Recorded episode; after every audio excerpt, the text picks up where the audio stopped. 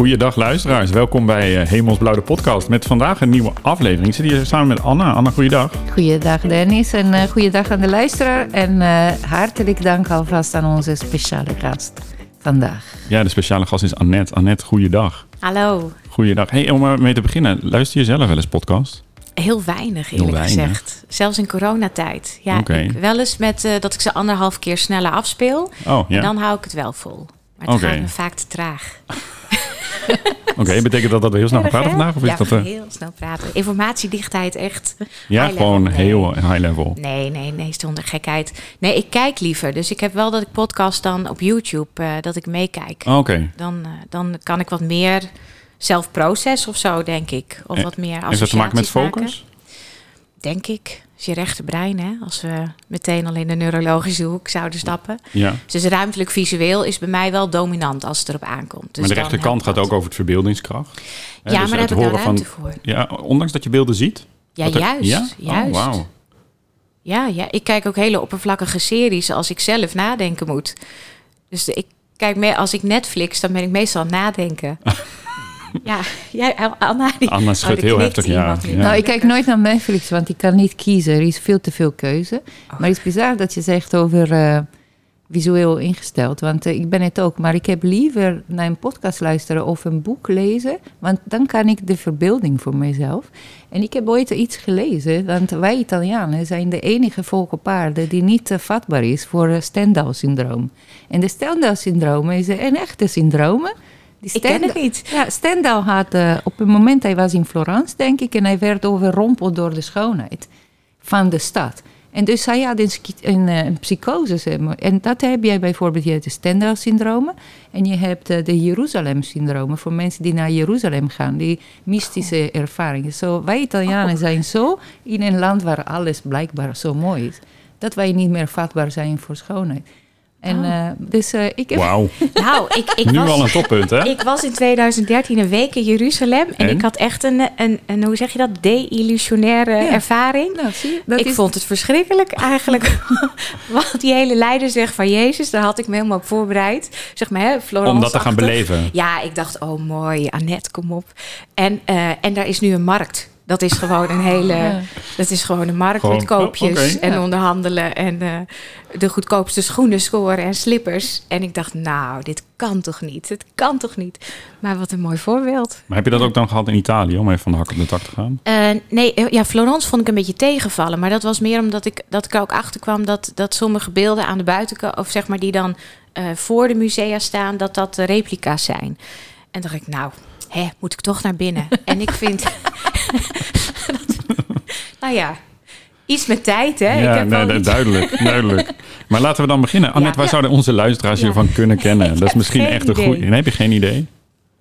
Nou, de politie, uh, bij, binnen, hè, als jullie luisteraars met name politiemensen zijn. Ik weet, zijn dat jullie luisteraars? Of dat, nou, dat zijn in ieder geval ook onze luisteraars. Ja. dus we hebben veel collega's die naar ons luisteren. Alleen uh, tegenwoordig kan je natuurlijk op internet alle statistieken terugvinden. Maar we, we, kunnen de conclusie trekken dat uh, we niet alleen beluisterd worden door politiecollega's. Dus dat is, vind, ik, vind ik te gek. Oh, nou dan. Dus dan, je... dan kan je niet groter antwoord geven. Ja, ja. Dan, kan ik, dan kan ik normaal antwoorden. Nee, waar je me van kan kennen. Um, uh, waar kan je me van kennen? Potverdorie. Nou, ik heb in 2012 een groot zwerfafval, e-, zwerfafval-evenement geïnitieerd. Keep It Clean Day ja. heette dat. Daar hebben toen 50.000 mensen aan meegedaan uh, in het hele land. Um, dat is toen daarna door de overheid een soort van geadopteerd. En in Rotterdam is dat nog jaren doorgegaan. Dus dat uh, onder aanvoering van Joost Eertmans. Die heeft dat heel goed gedaan toen. Um, Keep It Clean Day. Uh, dus dat zou kunnen. Maar ik heb mezelf daar niet heel erg gepositioneerd als met... je moet mij daarvan kennen. Want ik vond het juist heel fijn dat mensen me niet kenden. Um, waar kan je me nog meer van kennen? Ik denk dat dat het wel is. Echt? Nou ja, wanneer kennen mensen je? Hè? Ja, dat is een ander soort vraag. Hè? Ik zag pas een plaatje met uh, een groep filosofen die bij elkaar zaten. En de eerste keer, en dat begon met stel je eens voor. Nou, weet je, dat, uh, ze zijn nu nog bezig met voorstellen. Ja, ja. ja want ja. Ik moet denken aan de voetbalwedstrijd van uh, Monty Python. Met de Grieken en de Duitse ja. filosofen die tegen elkaar smeren. het wordt toch zo'n gesprek, hè? Ja, maar dat mag, dat mag, gelukkig. Ja, waar kunnen mensen... Nou, weet je, op, op dit moment...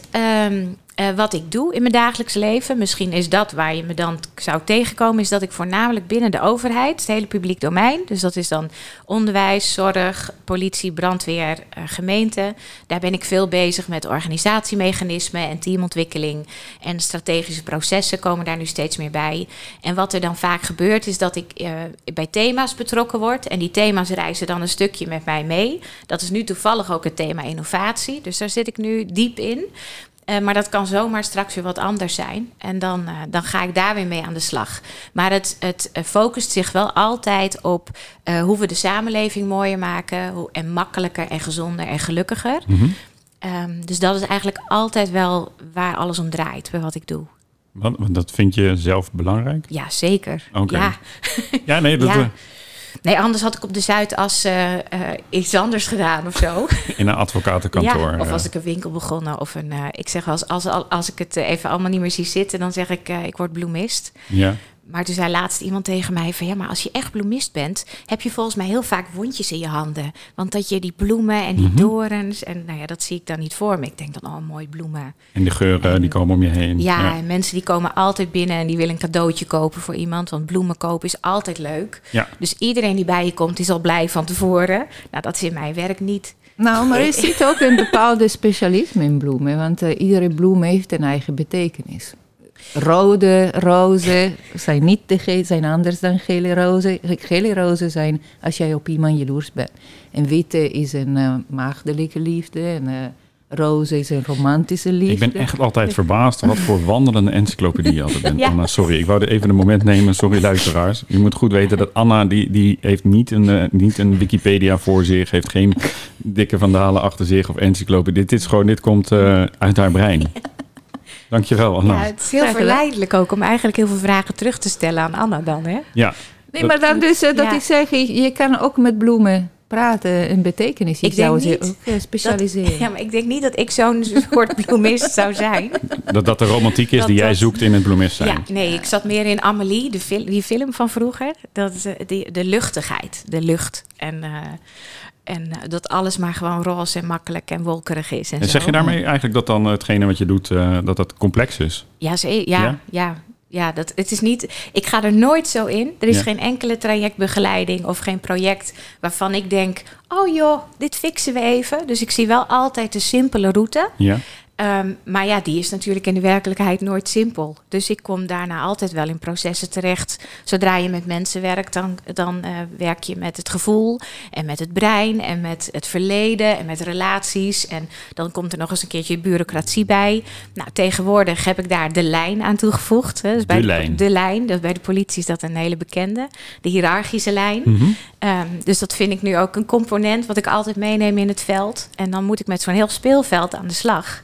Ja, en dan is het nooit meer simpel. En dan wordt het een heel leuk verhaal voor mij. Dan wordt het een soort sociaal stratego, ja. noem ik het vaak. En, dan, uh, en het komt altijd goed. Je vindt altijd de vlag? Sowieso. Oké. Okay. Ja, of iemand anders. Iemand, Meestal ja, maar iemand, een team. iemand een team vindt de vlag. Het liefst met z'n allen. Ja, ja het ja. liefst dat we met z'n allen tegelijk dan... of dat iemand roept, hier is hij. En dat wij dan denken, ja. Ja, hier is hij. Ik moet dan gelijk denken, als je die uh, uh, vergelijkt met stratego... wat gebeurt er dan als je op de bom stapt? Weet je, is dat dan collateral damage? Dat is een vraag die, uh, die, die langs gaat. Moet je even knuffelen. Even knuffelen. Of de, ja, nu niet. Maar dan, nou, dan moet je gewoon even parkeren en even mm -hmm. rust nemen als je op de bom stapt. Ja. Dan ligt het eraan of iemand geblesseerd is of half dood. Ja. Of uh, wat hij er zelf van vindt. Dat hij op een bom gestapt is. Dat is ook wel een belangrijke. Mm -hmm. Want soms trappen mensen op een bom en dan zijn ze juist heel erg blij daarmee, omdat ze een heel groot inzicht krijgen. Of dat ze iets zien wat ze eerder niet zagen, dat er een nieuw perspectief ontstaat. En dat kan wel pijn doen, ja. Maar dat hoeft niet destructief te zijn. Dus het is niet zo dat, dat, dat pijn uh, synoniem is uh, aan destructie of aan verlies of oh, aan ja. falen. Dat is, wel, dat is wel een belangrijk onderscheid. Ik kan me voorstellen dat niet iedereen die vertaling kan maken of direct kan maken. Nee, en dan ben je met z'n allen. Dan misschien ja. ben ik er dan ook wel. Misschien is dat ook wel een stukje van mijn werk. Dat je dan in gesprek gaat en dat je ruimte neemt. En dat tijd, je laat de, de chronos, tijd laat je los. Dus je gaat in kairos zitten.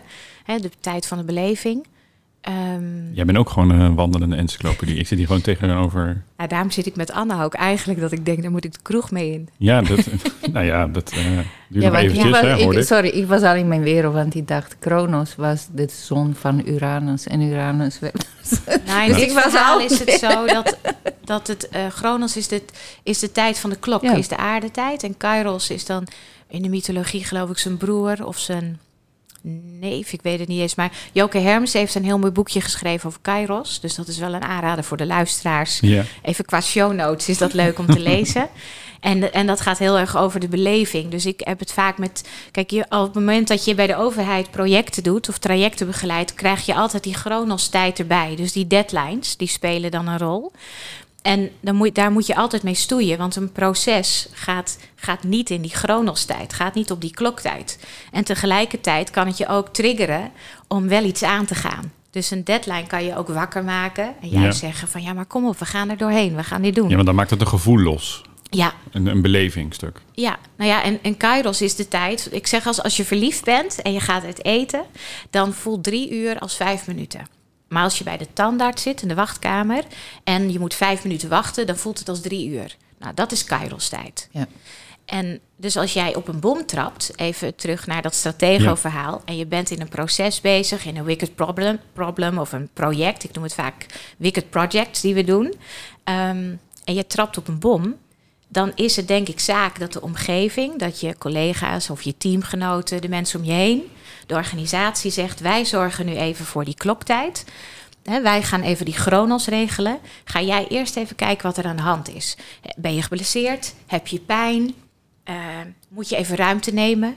Moet je misschien even meerdere perspectieven bekijken? Moet je met andere mensen praten? Wat heb je nodig om weer met ons mee te kunnen gaan? Ja, en als dat afscheid betekent, wat ook wel eens gebeurt, ja, dan moet iemand afscheid nemen.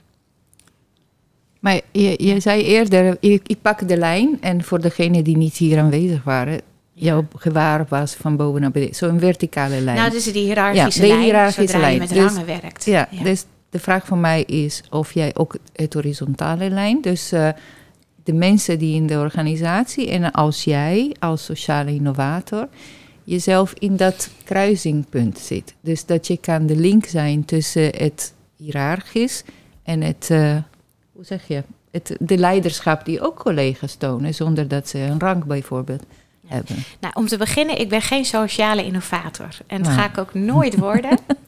um, ik weet ook ik ben ook uh, de laatste week, ik ben nu heel erg bezig met het thema innovatie.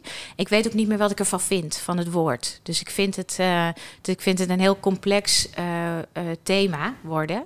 Um, dus dat even gezegd hebbende. En ik omschrijf mezelf heel vaak als processor. Dus okay. ik ga van A naar B met een organisatie. En hoe we daar komen, dat maakt me niet uit. Hè? Of op de fiets gaan, of met de auto, een stukje lopen. Maakt, kruipend mag zelfs. Um, maar we zijn altijd onderweg. We zijn altijd met een proces bezig. En, um, en, als je me echt moet duiden, dus voor de mensen nu, die nu echt afhaken en denken: wat gebeurt hier? Dan zou je het consultant kunnen noemen of een strategisch adviseur. Dus dan zit je meer in die hoek. Um, maar sociale innovator ben ik niet. En terugkomend op de vraag: ik werk zelf niet met uh, hiërarchische lijnen. Uh, zo kijk ik helemaal niet. Dus ik kijk veel meer non-duaal en circulair. En naar wat iedereen aan eigenschappen meebrengt, of aan taken of aan kwaliteiten. Um, maar de organisaties waarmee ik werk, die doen dat wel. Ja. En daar moet je erkenning aan bieden. Dus ik kan wel heel hard roepen: ik wil dat het anders is. Maar als, als er 62.000 mensen bij een politieorganisatie op die manier werken in een structuur, dan is dat mijn startpunt.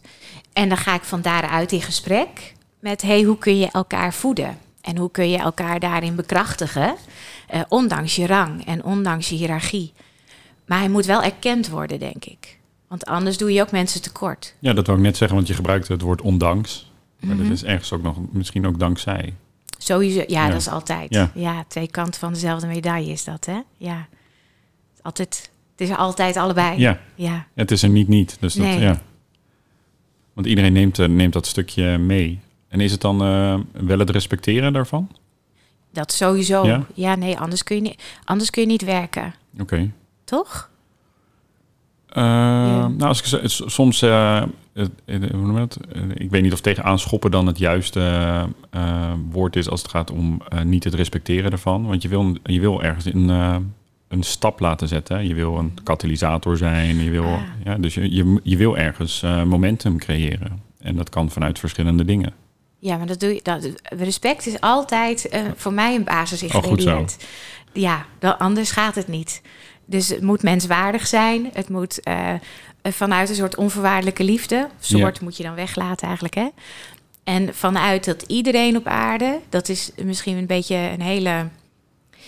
Een tikje spiritueel wordt het dan wellicht. Maar uh, iedereen op aarde draagt bij. In welke vorm dan ook. Dus daarin is niemand dominanter of belangrijker dan wie dan ook voor mij. Dus op het moment dat je gaat samenwerken, is dat een basisbeginsel. Met dat jij allebei, zeg maar, wij zijn hier nu met z'n drieën. Ook al zijn jullie een team. Uh, wij zijn drie uh, individuen die met z'n drieën nu een geheel vormen. Ja. Um, en dat is altijd uh, waar het begint. En er tegen aanschoppen of een momentum creëren, ontwikkeling creëren. Uh, dat is altijd afhankelijk van de ander. Kijk, ik kan wel, ik kan wel in één keer vijf stappen willen zetten. Maar als de ander dat niet kan. Dan gaan we dat niet doen. Ik ben afhankelijk van de snelheid van het systeem.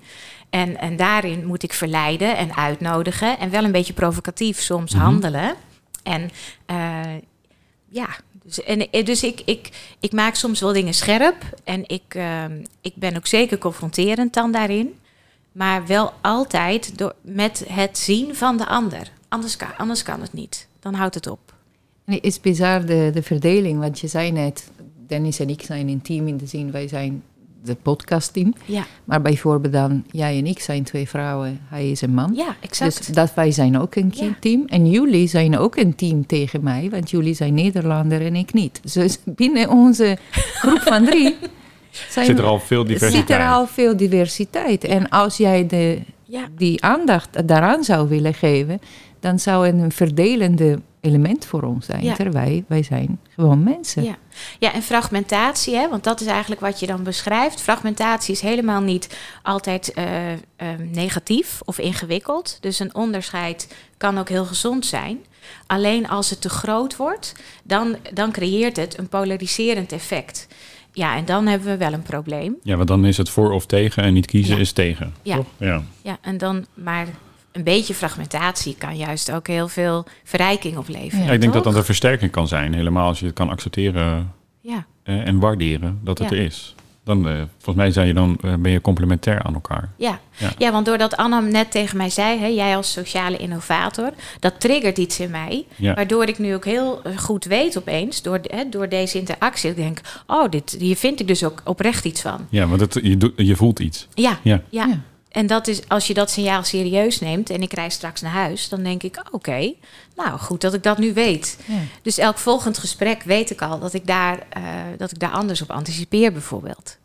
Leuk. Als je een beetje reflectief in elkaar zit. Hè? Dat, nou ja, blijkbaar uh, werkt dat voor jou op die manier. doe ik niet in de supermarkt hoor. Dus niet dat ik de hele dag doe. Maar... Niet? Nee, jij? Nou ja, ik, kijk, ik, nee, ik, ik kan er nog een hoop in leren, denk ik. Nee, maar er zijn wel bepaalde momenten dat je getriggerd kan worden door dingen. En dat kan zeker gewoon een pak melk in de supermarkt zijn. Weet je, wat een andere kleur is, wat een associatie kan maken. Dat ik denk, oh ja, weet je, daar moet ik inderdaad iets mee doen. En dat kan voor mezelf zijn of voor het werk zijn. Ja. Dus op zo'n manier zeker. Ja, dat is wel mooi. Ja. En dat beperkt zich echt niet tot de, de vier muren van een, van een kantoorgebouw of de plek waar ik zou moeten werken. Nee, dat, dat, eh, dat, nee, dat suggereer ik ook niet hoor. Nee, het is meer dat, je, dat ik denk van soms is het ook goed om eventjes wel um, ja, dat, dat uh, oppervlakkige of zo, eventjes functioneel te handelen. En als je de hele dag reflectief bezig bent. Ja, volgens mij is dat vermoeiend. Ja, ja, dan word je moe. Ja, dat denk ik. Ja, volgens mij haal je dan ook het beste er niet uit. Nee, hè? Oh nee, ik ben altijd enorm bewust van hoe ik me voel. ik ben heel veel, veel zelfreflectie. Maar dan kijk, ik ben dankbaar dat door zo een uh, onschuldige iets te zeggen, ik iets bij jou heb laten triggeren, waardoor jij nu meer bewust bent van wie je wil zijn. Ja, dus ja, kijk, dat is de het komt altijd. Ja. ja.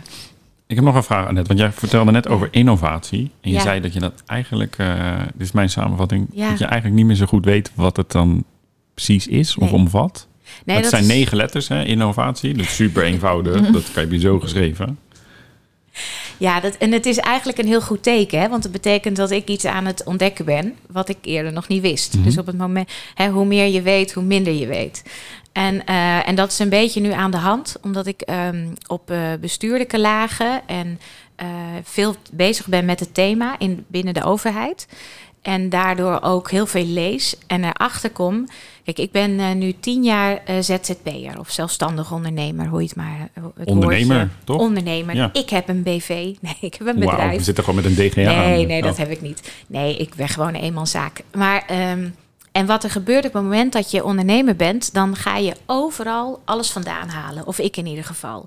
En ik ben nogal nieuwsgierig van aard. En ik hou heel erg van om het hoekje kijken. Mm -hmm. Dus elk veld dat ik tegenkwam afgelopen tien jaar, daar ben ik even ingedoken. Dus daar ben ik, ik ben ook een generalist. Dus ik weet van heel veel dingen een beetje. En, um, dus, en dan kom je zoveel tegen. En dat heette de afgelopen jaren steeds innovatie. Nou, nu ben ik met de overheid veel aan het doen met het thema innovatie. Ook op het gebied van governance en strategische processen, strategische producten. Dus alles wat je ook opgeleverd moet worden. En hoe dat dan allemaal in zijn werk gaat en hoe je dat dan ook consolideert en dat opschaalt. Um, en toen op een gegeven moment dacht ik van ja, maar alles wat ze nu bij de overheid innovatie noemen, voor mij is dat eigenlijk, ja, dat klinkt heel onaardig, maar sommige dingen zijn al tien jaar oud. Die ken ik al heel lang. En zou het wel zo zijn als de overheid de spiegel is naar de samenleving, of de spreekbuis van de samenleving, hebben we het dan eigenlijk al niet over mainstream? Is het niet zo dat als de overheid het ontdekt, dat we dan juist een fase van implementatie ingaan? En leven we ook niet nu in een tijdsgewricht? Uh, dat fascineert me deze week heel erg. Dat we bezig zijn met alles wat de afgelopen 10, 15 jaar ontwikkeld is. Op technologische innovaties en sociale innovaties, maar ook organisatorisch, ecologisch, maatschappelijk. Elk bijvoeglijk, bijvoeglijk naamwoord dat je ervoor kan plakken. Is het niet zo dat we door de pandemie waar we nu in zitten, dat we juist al die ontdekkingen, die innovaties aan het implementeren zijn op grootschalig en mondiaal gebied? Dus we leren nu wat hybride werken in de praktijk is, met z'n allen samen. We leren nu wat blended leren echt betekent, met z'n allen samen. We ontdekken nu wat alle digitale ontdekkingen de afgelopen jaren voor ons betekenen op toepassingsniveau, wat we ermee kunnen, hè, de beoogde effecten. Um, en hebben we het dan nog over innovatie? Nou, dat is op dit moment een beetje mijn gedachte-experiment waar ik in zit. En ik had gisteren een heel mooi lang gesprek met iemand, um, met wie ik ook in een van die processen zit. En die zei op een gegeven moment, die zei, nou, weet je wat volgens mij innovatie is? Dat is het verzilveren van kansen die ergens al liggen. Dus dat zijn componenten die we nu samenbrengen en we zijn die kansen aan het verzilveren. En toen dacht ik, ja, misschien is dat wel dan wat innovatie is. Ja, ja, ik zit gelijk te denken, wat daarmee. Uh, uh, met innoveren ben je er toch nog niet, weet je, als je een innovatie hebt. Of is het bedoeld nou ja. met het verzilveren dat het dan gewoon inderdaad mainstream is geworden? Nou ja, misschien is het ook meer een werkwoord. Dat dacht ik, in, dat dacht ik vanochtend inderdaad. Misschien is, hebben we ook meer aan het werkwoord innoveren uh, dan aan het zelfstandige naamwoord innovatie. En dat weet ik niet. Ik kijk Anna nu aan. Ja, die is goed met taal. Ja. ja. Hoe zie jij dit, Anna? Nou, ik, ik, was, uh, ik was aan het denken, want jij, jij, jij bent op dezelfde dag geboren als Leonardo da Vinci. Dus, uh, ja, grazie, grazie. Prego, prego. maar Leonardo was, ze zeggen geen innovator, visionair, maar hij had al voor zichzelf een fiets bedacht, ja. en getekend, een helikopter, een ja. vliegma Het punt is dat als niemand snapte dat, maar ik denk omdat ze geen behoefte daaraan hadden niemand zou bij hem komen en zeggen: Ik heb uh, de, de, functionele specificatie van een fiets. Dus ik was terug aan het redeneren aan dat wat je net zei. Dat wij nu implementeren dat wat al lag op een etalage. Ja. En misschien was hij te ver voor zijn tijd, omdat hij zag behoeften die niet er waren. Nou, ik las toevallig van de week, want daar heb jij me ook getriggerd. Want dat zei Anna, hè, van nou, je bent op dezelfde dag jarig. Um, 15 april is dat, is, anders moeten de luisteraars allemaal googelen. Dat is ook lullig. maar toen zei, en toen ben ik even naar, naar zijn profiel gaan kijken. En toen las ik dat hij vier jaar over de Mona Lisa heeft gedaan. En dat die, die twee vingers in de Sixtijnse kapel, die hij samen met Michelangelo is die hele Sixtijnse kapel geschilderd. Maar die vingers heeft hij gedaan. En daar heeft hij zeven jaar over gedaan. En toen dacht ik, nou, dit moet ik mijn ouders laten weten. Dat het altijd nog goed komt. Dat ik gewoon heel lang over Dat sommige dingen tijd kosten. Ik, ja, ik maak zelf iets af. Dat, het, het boeit me ook heel weinig. Het proces is altijd dominant aan het doel. Mhm. En dat, dat herkende ik dan even. Nee, maar ehm, dan zou het ook zo zijn dat zo iemand, zo'n innovator of een pionier in dat opzicht, ook langer doet over dingen. Of daarin denkt van ja, maar ik moet wachten. Of ik moet in ieder geval die tijd loslaten. Want we moeten wel samen. Ja. Als we willen opschalen, die, die, die opschalingsfase binnen dat proces, moeten we wel samen zijn. Ja, en als ik naar LinkedIn kijk, ik zie dat jij heel veel publiceert. En vaker zeg je, een aantal jaren geleden zag ik dat. En een aantal jaren geleden had ik dit geschreven. Zo heb jij datzelfde Leonardo gevoel soms? Dat jij moet op ons, je moet op ons wachten? Zit er een beetje Leonardo nou, in dat, jou? Ja, dat speelt de laatste maanden. Dat speelt pas de laatste maanden. En dat heeft ook wel... Dat, dat, uh, uh, nou ja dat, mag, ja, dat mag je ook rustig weten. Dat heeft ook wel enige frustratie een beetje opgeleverd. Dat ik dacht, potverdorie, uh, moet ik dan nu... Alles wat ik nu bedenk, moet ik dat dan nu de hele tijd ergens gaan roepen? Um, maar ik vind... Um, ik hou niet van dat dwingende. Ik hou niet van met ik heb gelijk of die heeft gelijk. Of ik hou heel erg van het proces waarin het organisch ontstaat. En dan zwijg je juist. En dan wacht je, dan ben je ontvankelijk. Uh, maar ik heb daar wel afgelopen maanden over nagedacht. Ook in het kader van ondernemerschap. Hè, want bij mij viel vorig jaar ook alles weg. Ook financieel. Mm -hmm. En godzijdank gaat dat nu weer goed. Dus komende drie maanden verdien ik evenveel als wat ik in heel 2020 verdiende. Hey. Dus, dus, maar, dan, maar dan kan je even de vergelijking maken. Wat dat dus inhoudt voor al die ondernemers in Nederland. En dat je daarin heel erg. Um, je wordt daar heel erg geraakt in je, in je basisbehoeften. Van moet ik me dan anders gaan positioneren als ondernemer? En daar komt dit ook vandaan bij mij. Van moet ik veel meer gaan neerzetten hoe ik de dingen zie? Moet ik dat gaan roepen? Ja, en dat wil ik dus niet. En dan Dat- is dat een soort van merk- zendingsdrang? Zou je dat zo vertalen? Nou ja, als je dus, eh, ja, als, dan, dan zou je dat, ja, ja, dan Ja. zou je dat, maar dat heb ik niet. Ik heb eerder een allergie op zendingsdrang dan. ehm, En heb je dan, als je kijkt naar hetgene wat je in 2016 hebt gemaakt, 2017, heb je dan toch een, soms een ik zei het toch momentje? Of ik voorspelde dat al? Eh, nee, Dat nee, niet? ik heb Oh. eerder, nee, ik heb eerder met wat jammer dat ze toen niet zagen. Oké, Dat ik heb nooit. eh, ik heb ook heel weinig rancune. Dat zit niet zo op, de, Mhm. op mijn DNA. Ik ben nu wel bezig met een boek eh, over Keep It Clean Day in 2012. Dus dat begint nu. Dat ik denk, oké, dat verhaal moet nu wel verteld. Als ik het wil, voordat het verjaard is, moet ik het dan nu toch maar doen. Weet je wel dat? Maar een ander ding wat ik toen in 2013, toen werd ik echt, eh, werd ik heel veel gevraagd. Toen werd ik ZZP'er. En Kijk, Keep It Clean Day, dat is misschien even goed om te weten. Dat is zonder geld georganiseerd. En zonder iets op papier. Dus er zijn ja, kan vijf... je de luisteraars, met- want Ja, ik denk dat sommige mensen Ja. misschien wel een oh ja moment hebben, maar Ja. kan je kort vertellen wa- wat de, wat de Ja, gedachte was kan- achter Keep It Clean Day? Ja, je kan me nog s'nachts wakker maken en ik kan het pitchen. Dat, is, eh, dat zit zo, Zit er in- zo in. voor in de, op, in de neocortex. Ehm, Keep It Clean Day is op zich is een enorm simpel project. Afkomstig uit Estland. Daar hebben ze in 2008 het land opgeruimd in één dag. En wat ze toen dachten, als wij aan de rechterkant van het land beginnen met een groepje, en we zijn dan aan de linkerkant, eh, dan is het aan de rechterkant weer opnieuw vies en moeten we opnieuw beginnen. Wat een belangrijk detail daarbij is, is dat Estland is qua oppervlakte twee derde van Nederland en er wonen 1,3 miljoen mensen. Dus het is een dunbevolkt land en er is heel veel gebied waarvan ze niet weten van wie de eigenaar is. Oh, En daar kun je dus heel goed illegaal afval dumpen. Nou, dat is niet de Nederlandse infrastructuur, hè? dat is niet waar wij in leven. Maar dat, dat, ehm, dat heet het Thema Are, dat opruimproject in Estland. Dat ging de wereld over, dus dat was een groot succes. En toen hebben heel veel landen het ook gekopieerd, ook succesvol. En toen dachten ze in 2012, als het met een land kan, kan het met de wereld. Dus we gaan in 100 dagen de hele wereld opruimen. En wat we daarvoor moeten hebben, zijn initiatoren uit alle landen. Nou, en ik zat op dat moment met een complexe PTSS thuis. En, ehm, eh, en in mijn familie was een, eh, een ziekteproces aan de gang, wat nogal speelde. Eh, dus ik, bij mij was er een soort dalletje. En toen zei iedereen, ga jij maar fijn even naar dat congres in Tallinn in Estland.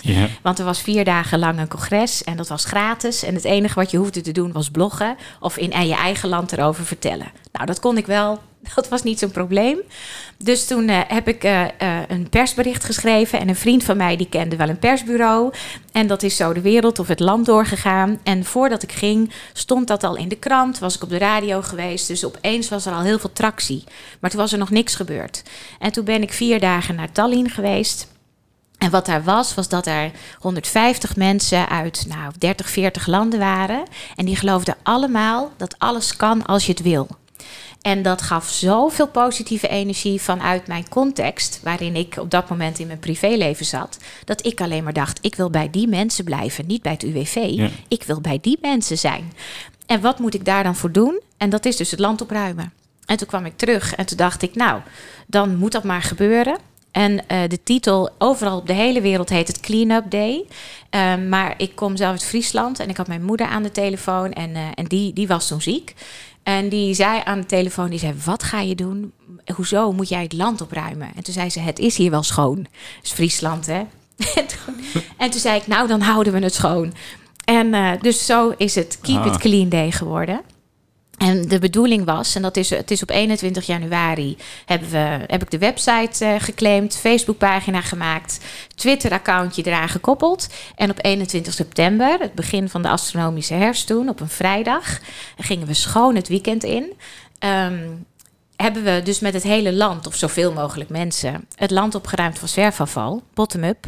En het was heel simpel. Dus als jij je huis uitloopt en je komt zwerfafval tegen en Dan jij pak je het op. gooit het weg op de juiste plek, ja, dan, uh, dan uh, is het schoon.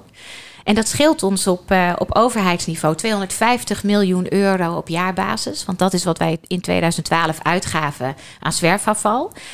Dus dat zei ik heel vaak als ik moest pitchen. En je wilt het linker en het rechterbrein erbij hebben, allebei. Dan moet je dus het over je, de kleinkinderen van je kleinkinderen hebben als het over klimaat gaat en een schone aarde. Je moet de sociale mensen betrekken als uh, op het samengebied. Wij doen dit samen, collectieve kracht, collectieve energie. Maar je wilt ook de Hollanders hebben. En daar zei ik altijd tegen: het bespaart om 250 euro. Niemand gaat in het weekend in zijn vrije tijd de bosjes in. Maar wij willen heus wel in de basentijd op vrijdagmiddag even opruimen. Want wij zijn Hollanders. En uh, dat bespaart ons 250 miljoen euro op jaarbasis. Nou, en zo heb ik geprobeerd om al die doelgroepen uh, bij elkaar te krijgen. Met mij natuurlijk honderden mensen. Hè? Dus dat is wel even belangrijk om te zeggen. Ja, die, ja ik het begint dit wel gewoon ergens, de hele toch? tijd. Ja, ik deed niks anders dan wat ik nu doe. Ja. En dan acht maanden lang. Ja. En als je dat gewoon heel vaak doet, dan uh, gaan mensen aan. En, uh, Ik vind het jammer. Dat, of heeft iemand dat van jou overgenomen en werd het op meerdere, meerdere jaren daarna? Of dit niet? is wel heel mooi dat je dit zegt. Want dit, dit was bij mij het, uh, het hekele punt waar, waarop ik vond uh, dat het uh, zelfsturend moest kunnen zijn. Dus voor mij was het zo dat ik ben het eerste streepje op een schilderij van, uh, van Monet bijvoorbeeld. En met al die... is één met vijf gecreëerde afbeelding. Dat is Siri. Oh, dankjewel. ik heb altijd een hele goede relatie met Siri. Ja. Ik heb Ja. geen Siri. Maar ik, ik heb altijd van, um, ik was het eerste streepje. En, en al die streepjes, al die penseelstreken samen maken een schilderij, maken het collectief. Dus ik moet vervangbaar zijn. En precies in het woord vervangbaar zat mijn fout. En die heb ik in 2013 gemaakt. Want toen kwamen alle instituties, alle overheidsinstituties, die zeiden: Annette, we gaan op zoek naar de nieuwe Annette. Want één iemand moet dit project leiden. En ik zei, dat hoeft niet. Wij kunnen dit decentraal. Want op het moment als een project van niemand is, is het van iedereen. En de aarde is van niemand en van iedereen. Uh, dus waarom moet er één iemand dit uh, aanvoeren? Dat is helemaal niet nodig. Nou, dat begreep toen niemand. Dus als, nu komen we terug op dat je dan dus te snel bent met iets. Of in ieder geval uh, veel geduld moet hebben met dit verhaal. Want nu ja, geef ik veel training over bottom-up organiseren, uh, zelfsturende organisatiemechanismen. Hoe werkt dat dan? Maar dan gaat het heel erg over gedeeld eigenaarschap. En dat is wat dat project voor mij eigenlijk in essentie betekent. Als wij allemaal eigenaarschap nemen over waar wij wonen, dan hebben wij daar helemaal geen sturing bij nodig, want dan zijn we allemaal eigenaar. Um, dus in die zin heeft niemand het project overgenomen daarna. En, en het, is, ik, het is ja. ook niet een gewoonte geworden nog. Eh, nee, nee, hoewel sommige vrienden van mij, er was een vriend van mij die rookt. En die zei, nou, ik gooi nu nooit meer een peuk op de grond. Oh, dat heb, nou. heb je dan toch wel voor elkaar gekregen. Maar weet je wat het, de, het erge is? Ik heb in essentie niet zoveel tegen zwerfafval. En dat heb ik toen ook wel tegen alle journalisten gezegd. En alle mensen die dit project kennen en mij kennen, daar is het geen verrassing voor. Ehm, want ik ben vooral geïnteresseerd in het mechanisme van collectieve energie. En collectieve kracht en collectieve intelligentie. Dus of dat nou over zwerfafval gaat. Of over eh, de beste koffiefilter ontwerpen. Mhm. Ja, dat maakt mij niet uit. In essentie boeit het me niet. Maar ik zei van de week tegen een team: kijk, als het Hitler lukt om zo snel, hè, of een dictator, noem iemand, zo snel een negatieve spiraal te creëren. En als het binnen organisaties zo snel lukt om roddels te verspreiden en negatieve processen te voeden. En dat mensen daar, dat dat zoveel energie kennelijk levert, want anders zouden al die mensen dat niet doen. Dan moet dat toch ook kunnen in een positieve spiraal. De andere kant op. Daar ja. moeten we, en, maar we hebben nog steeds geen wereldvrede. En waar zit dat dan in? Dat het ons niet lukt om, we, om net zo snel die positieve spiraal te genereren. Wat we doen met ellende. Nou, dat fascineert mij mateloos. Maar komen daar antwoorden op dan, als je er met iemand over spreekt? Nou, ik, ik spreek hier niet heel veel over, moet ik eerlijk zeggen. Dat is pas, dat is pas echt, ja, Anna zit helemaal, te, die, die, ziet, eh, die herkent dat. Of die, die ziet het in mij. Ehm, nou, ik, ik heb hier niet zoveel over gesproken. Dat begint nu pas te komen. Het begint nu pas te komen dat ik het ook hardop durf te zeggen of zo. Van, waar zijn we mee bezig? Ik, ik, wat ik bijvoorbeeld ook niet snap, is dat iedereen steunt Pieter Omtzigt. Hè? En, en Renske Leijten en al die teams rondom die toeslagaffaire. Maar ik durf er vergif op in te nemen dat ze daarna rustig bij het koffiezetapparaat zelf staan te roddelen. Want het doen en het en erachter staan, dat zijn twee hele complexe processen. Want ehm, het, kennen en kunnen en, en er ook nog het supporten en het steunen en weten wat het goede is en het goede doen. Nou, dat is gewoon, dat is moeilijk. En daar moeten we ook begrip voor hebben natuurlijk. Dus ik moet daar geduld eh, in tonen. Ik, ik moet vooral geduld hebben. Oké. Dat is, dat, maar dat is, heb je oneindig geduld dan? Nou, dat weet ik niet aan dit gesprek te horen. ben ik wel wat in de versnelling eh, geschoten. Ik denk dat, dat er nu een fase aanbreekt dat ik dit veel meer ga uitspreken, ja. Ik weet het niet. Ik denk, de, ik denk dat we elkaar hierop moeten aanspreken. En, en dat gebeurt denk ik nu wel veel meer in de samenleving. Dat zie je ook wat er nu met de overheid gebeurt, toch? Dus de frictie die er is en de vragen die er zijn. En ehm, dat mensen hardop durven zeggen van hè, die persconferentie gisteren, ik weet het niet. Nou, dat, dat zijn al hele belangrijke processen, denk ik. Waar we veel meer naartoe moeten. eh, om dat soort dingen uit te spreken met elkaar. En daar dan ook gedrag aan te koppelen. Dus, hè, dus dan ook, wat doe je daar dan mee? En Ja, ik denk dat dat belangrijk is. En volgens mij kan er dan nog een verschil zitten. eh, dat, dat gok ik. En een beetje op eh, eh, wat er in de Kamer gebeurde met het Ja. koffiezetapparaat, wat je dan net vertelt. Dat je mensen kan aanspreken als individu zijnde. Maar uiteindelijk eh, willen ze, eh, we hebben als mens ook de behoefte om ergens bij te horen hè, bij een groep. Ja. En eh, het effect van een groep kan heel groot zijn op een persoon. ja, Dus ik kan me voorstellen dat dat, dat, dat gaat niet, hoeft niet hand in hand te gaan. Nee, maar er moet er één iemand zijn die bepaalt of die besluit om het goede te doen. Of, en dat congruente gedrag met die ethiek te koppelen. En dan hoeft er maar één eerste volger te zijn. En, eh, en dan een tweede en een derde. En ja, dan ben je eerst een klokkenluider.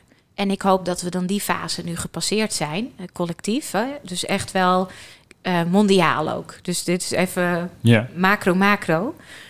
Ehm, en dat we naar groepjes kunnen gaan. En dat het dan makkelijker is om bij zo'n groepje aan te sluiten die zich uitspreekt. En die zegt van ja, maar zo, zo willen we het echt niet meer. We gaan het nu echt anders doen. En, ehm, ja, en dan misschien over een generatie gaat dat weer Zou dat een ontwikkeling kunnen zijn? Ik Zit er- hoop dat. Zitten daar voorbeelden in eh, zeg maar voor eh, dat innovatieproces wat je dan nu begeleidt? Mhm. Zitten daar directe voorbeelden in als het gaat over met de groep dingen doen, individu dingen doen met elkaar? Ik merk het wel, want ik merk dat mensen het ook heel graag willen. Dus ik merk wel dat mensen heel veel behoefte hebben aan transparantie in woord en daad. En ook in congruentie in woord en daad. Dus dat die, er zijn zoveel contradicties geweest afgelopen jaar. dat, dat het verlangen wel heel groot is van mensen om, uh, om zeg maar wat je zegt, uh, doen wat je zegt en zeggen wat je doet. Dat daar heel veel verlangen is. Dus dat merk ik wel in al die processen. Maar volgens mij zit daarbij nog uh, dingen goed doen en uiteindelijk naar de goede dingen doen. ja, maar als je begint met de intentie, hè, dus de, die, de goede intentie. De wat is de goede intentie? Ja, de, of de zuiveren. Mhm. en, uh, en je bewustzijn van het onderscheid tussen je eigen belang en het collectief belang. En dat onderscheid mag er altijd zijn, maar dat je dat ook durft uit te spreken. Van dit is wat ik voor mezelf eruit wil halen. En, um, en lukt dat in gezamenlijkheid? Ja, de the, the road to hell is uh, paved with good intentions. Ja, ja en, maar... en, dus wat is de definitie van wat is goed voor ja. het collectief? Want als ik mag iets zeggen. Mensen zeggen altijd, ik wil de, de aarde redden, let's save the mhm. world. En ik zeg altijd, de aarde ze redt zichzelf prima, zonder mhm. ons. dus als wij er niet meer waren, de aarde redt zichzelf. Ja, maar op het moment als iemand zegt, ik wil heel graag heel rijk worden... Dat is een intentie waarvan ik zeg, nou fijn dat jij dat uitspreekt, maar dan moeten we wel even over hebben of ik daar dan ook in pas. Dus dan zal ik de ander niet veroordelen in zijn intentie, maar dan kies ik wel in of ik die samenwerking wel aanga of niet. Maar als iemand zegt, ik heb de intentie dat de aarde gezond mag zijn, hè, of dat, eh, dat de natuur zijn werk kan doen en het zelfherstellend eh, vermogen van de aarde, dat dat meer ruimte krijgt. Dan zeg ik, oh wat fijn. En hoe zie je dat dan voor je? Dus die, die intentie is alleen inderdaad het startbeginnetje. En van daaruit moet er handelen komen. En als het handelen ontbreekt, dan moeten we weer in gesprek gaan. Maar dat is wel makkelijker, toch? Snap je wat ik bedoel? Het is makkelijker als iemand uh, het een mooie wenst. Ja. En niet een soort alleenheerschappij beoogt of zo. Nee, dat, uh, nee, dat, ik denk dat we daar niet heel goed op gaan op dit moment. nee. nee. Nee. Het is wel denk ik een voorbeeld hoe het uh, ook op de werkvloer zou ja. kunnen of moeten gaan misschien wel. Ja. Of in ieder geval wenst dat het zou kunnen? Ja, ik, ik denk dat dat, we, dat dat een soort leiderschap is of waar je naartoe moet. Maar weet je, ik denk dat iedereen dat ook wil. Het enige obstakel is hoe ga je dat voor elkaar krijgen en hoe ga je je uitspreken en met elkaar. Hè, dus wat jij zegt dat je niet ook in je eentje bent, want je wilt bij die groep horen. Je wilt samen zijn, maar je wilt ook je hypotheek kunnen blijven betalen en je wilt ook niet buitengesloten worden. Dus alle angsten of alle ja, latente angsten die er zijn, die liggen allemaal op de loer. Wat maakt dat je blijft zwijgen. En um, ja, en dan, ik, ik denk toch dat je dan moed moet tonen. En dat je ervoor moet gaan en erop moet vertrouwen dat je, dat je altijd wint. Maar dat gebeurt natuurlijk niet. Kijk, dit is een prachtig verhaal, hè, hoe ik hier nou zit. Maar uh, het, het, is niet zo dat, mij dit, dat, dat ik hier gekomen ben... of met dat ik dit zo makkelijk durf te zeggen... zonder kleerscheuren. Nee, maar dat, dat is natuurlijk... Ik ben uh, voortdurend omgedonderd. Ja, maar dat is wat mensen vaak niet zien natuurlijk. Hè? Die zien de Annette van nu. Ja. Weet je? En die zien de Anna van nu, die zien de Dennis van nu. En die weten niet uh, wat jij uh, hebt gedaan en meegemaakt... tot te komen tot de persoon die jij nu bent. Nee, maar het is belangrijk dat we dat ook delen met mensen. Dus dat we er wel bij zeggen... het risico dat jij struikelt is enorm groot. En daar moet je rekening mee houden. Maar je moet er ook rekening mee houden dat als je valt, dat er altijd iemand is die je hand pakt en jou uit het ravijn trekt. En dat het jou ook altijd lukt om eruit te klimmen. Dat, paar, paar jaar geleden was um, uh, de donorwet. Hè? Die, uh, er was een referendum over de donorwet. En dat werd geïnitieerd, die, die, dat referendum, uh, door geen, geen pijl. En geen pijl is een verlengde van geen stijl. Nou, in geen stijl, daar kunnen we heel lang over debatteren wat dat precies is. Maar er zijn best veel vrouwen die hebben moeite met de website van geen stijl, omdat er nogal extreem taalgebruik soms is of provocatie. En, ja, in extreme uh, vormen soms. Hè? Ja, en ook dan vrouwenvriendelijk. En dat gaat dan heel ver. Maar uh, zij waren bezig met een referendum over de donorwet. En de donorwet hoorde, hoorde bij mij, of voor mij, dat ging over de grondwet. Dat ging over wat ik wil dat er met mijn lichaam mag gebeuren na mijn dood. Nou, dan is het wel een obstakel als een groep als Geen Pijl, hè, CQ Geen Stijl, dat initieert zo'n referendum. Want dan ben je eigenlijk potentieel je halve land al kwijt. Omdat dat vrouwen zijn die zeggen: Nou, moet ik nou echt met, met geen stijl? Moet ik dat dan volgen? Zijn dat dan. Het was geen neutrale partij. En toen heb ik een blogje geschreven uh, waarin ik schreef: Vrouwen, wij moeten maar even ons nu hier overheen zetten. Alles wat wij over geen stijl vinden, moeten we even vergeten. We moeten nu kijken naar het hogere doel, naar die donorwet, naar dat referendum wat we willen hebben. Nou, dat kwam via via bij Bart Nijman terecht, uh, uh, opperhoofd van Geen Stijl. Die belde mij op en die zei: Wil jij ditzelfde vertellen in een videopodcast van anderhalf uur, een interview op de website van Geen Stijl? Daar heb ik even over na moeten denken, want ik dacht: Ja, dat is een soort. Uh, dan ben je echt koekoek als je dat gaat doen, Annette. Um, en toen heb ik toch ja gezegd. Want als ik het opschrijf, waarom zou ik dan niet die vervolgstap zetten en dat ook daar doen, waar het noodzakelijk is? Maar toen heeft, heb ik wel met hem afgesproken, en het is echt een fantastische kerel, Bart.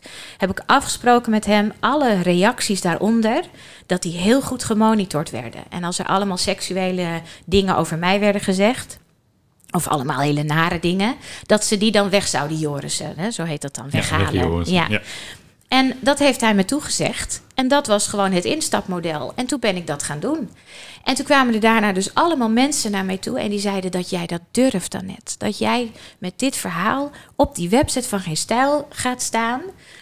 Met dat jij vindt dat wij als vrouwen ons maar even daaroverheen moeten zetten. Nou, dat gaat bij mij ook op en neer en in golfbewegingen. En ik moet het er dan over hebben met vrienden. En ik vind het spannend en ik vind het eng. En ik moet me afvragen vanuit die intenties, hè, Anna. Van waarom doe ik wat ik doe? Wat wil ik eigenlijk bereiken? Nou, ik wil dat zoveel mogelijk mensen voor dat referendum nu gaan. Want ik wil dat we in ieder geval iets gaan zeggen over de donorwet. Snap je wat ik bedoel? En uh, nou, uiteindelijk is, is het referendum er niet gekomen.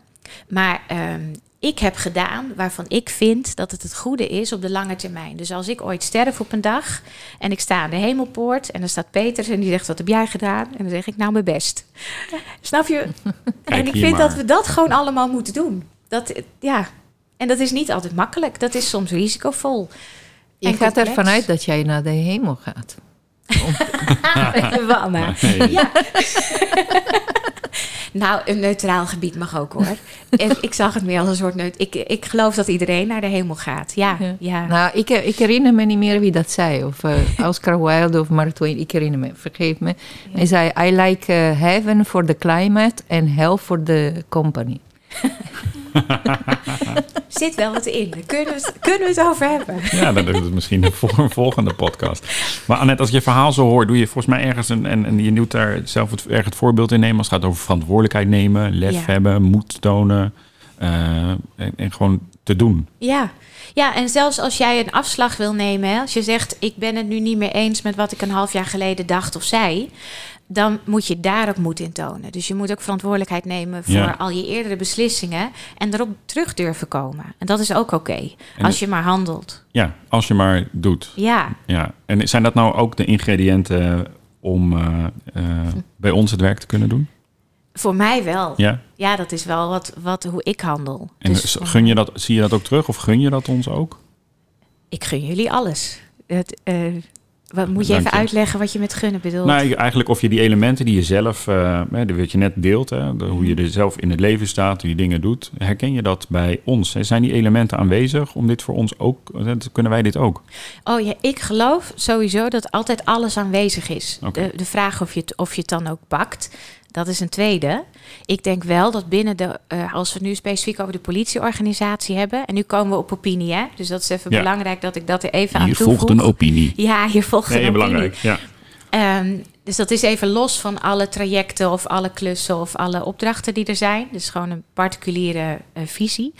Um, moet, je, moet je kijken hoe ik me dus al indek. Hè? Hoe ik al uh, probeer om die zuiverheid eigenlijk nu al bij andere mensen weg uh, te halen, zodat niemand zich daar ook uh, gepikeerd over kan ja, voelen. Ja, of een vorm van aanstoot nou ja, en, ja, en dat zegt wellicht al alles over wat het complex maakt als je dus met 62.000 mensen de politie Nederland heet.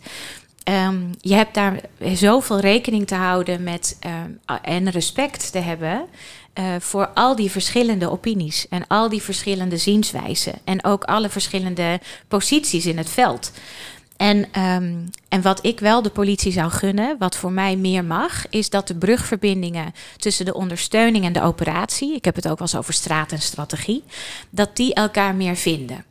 Dus dat daar ook ruimte voor zou zijn. Nou weet ik dat er een groot capaciteitsvraagstuk ligt. Dus dat zou het eerste obstakel zijn. Daar hebben we geen capaciteit voor. Er, is geen ruimte en geen tijd. Nou, dan zou ik willen uh, uitnodigen of verleiden om te gaan puzzelen met om dat toch voor elkaar te krijgen, zodat je met een beetje vertraging wellicht versnelling kan creëren tussen plekken als het PDC en de operatie. En hoe je dat dus versneld um, kan um, creëren en hoe je het kan inrichten. En dat zou ik jullie wel heel erg gunnen. Want wat ik, wat ik merk is dat iedereen, en dan komen we toch weer op die intenties, iedereen is bij de politie gaan werken omdat ze een veilig Nederland willen. En omdat ze bij willen dragen aan die veiligheid van die samenleving. En, um, en daarin ook congruent handelen en intentioneel willen zijn. Dus dat zit bij iedereen die ik tegenkom, is dat leuk. Ik ontmoet ook alleen maar leuke mensen. En dan kom je dus in die bureaucratie terecht. En ook hè, het grote geheel. En afstemmen met elkaar en soms moeten voegen. En ook in die, in die hiërarchische lijn, of de lijn die er is, daarin soms ook genoegen nemen met hoe andere mensen het zien. En het tweede wat ik jullie daarom zou gunnen, is dat ik zie dat er, um, er zijn mensen die werken al 40 jaar bij de politie, bij deze organisatie. En dan ben je op een gegeven moment biased. En dat is oké, want je bent dan ook expert, je bent ervaringsdeskundige. En je kunt heel veel dingen aan die jonge generatie als lessen meegeven. Maar de uitdaging voor die mensen, hè, die al 30, 40 jaar hier werken, daar, daar is de uitdaging voor om, om open te blijven staan. Dus om echt te denken: oké, 2021, ja, ik word morgen 45. Ik moet dat nu ook. Als ik met twintigers spreek, dan moet ik echt denken: oh ja, zij, ik moet hun uitleggen hoe een telefoon met een draadje werkt en een thuistelefoon. Snap je? Ik heb geen kinderen, dus dan hoeft, hoeft dat niet. Maar zo snel gaat die ontwikkeling. En als je dus zo lang bij een organisatie werkt, waardoor je met heel veel generaties in één systeem werkt, samenwerkt, vraagt dat veel van elkaar. Dus dat is het tweede wat ik, wat ik de organisatie gun. Die openheid door de generaties heen en open perspectieven naar elkaar. En wat kunnen wij aan jou gunnen? Aan mij? Ja. Ja, eveneens alles. Hè. Laten we daarmee. dat was ook natuurlijk wat ze ons. Uh... natuurlijk, maar is er een wens, is er iets die wij. Want jij bent dienstbaar naar ons toe met jouw advies? Oh. Nee, voor mij is het zoals als jullie, als jullie eh, een mooi Nederland maken, een veilig Nederland, dan ben ik als burger toch gelukkig. Oké. Dus voor mij is dat. Nou. Uh, en ja, ik wou nog toevoegen dat jij eigenlijk afsluit waarmee je bijna begonnen was. Dat ging over de balans tussen, uh, tussen tijd en voelen. Ja, ja. Dat is ook denk ik wat... Ik, ik weet niet hoe je dat gedaan hebt. Dit is eigenlijk een hele te gekke afronding dat, misschien is dat wel de kern van het leven, Dennis. Dat we niet weten hoe we het doen. Ja. En ondertussen maar wat aanklooien en heel veel praten met elkaar. En dan de suggestie wekken dat we, dat we weten wat we doen. Ja. Hoe noemden we het net? Onbekwaam? Per ongeluk. Per ongeluk bekwaam. Per ongeluk bekwaam. Ja, die wilden we toevoegen. Ja. Je hebt dus um, onbewust bekwaam, per ongeluk bekwaam en bewust bekwaam. En ik ga dan wel voor per ongeluk bekwaam. Ja, daar kan ik mee leven. Jij, Anne? Supergoed. Hey, ik, uh, ik, ik stel voor uh, om een vervolg te plannen. Want ik denk dat dat heel belangrijk is. Leuk is om met elkaar nog een vervolg te doen. En voor nu uh, Leuk. je te bedanken voor de tijd dat je hier was. Jullie ook. Dankjewel. Ja, dankjewel Anna. hartelijk dank. Dankjewel Dennis. Heerlijk therapeutische elementjes zat eraan. Ja. Bedankt mensen. Ja, bedankt. Ja, bedankt alle luisteraars. Ik hoop dat jullie veel plezier hebben gehad met het, met het luisteren. Ja, en alvast uh, fijne verjaardag morgen. Dankjewel. Hele fijne verjaardag. En uh, nogmaals, dank jullie wel. Tot de volgende keer. Ciao.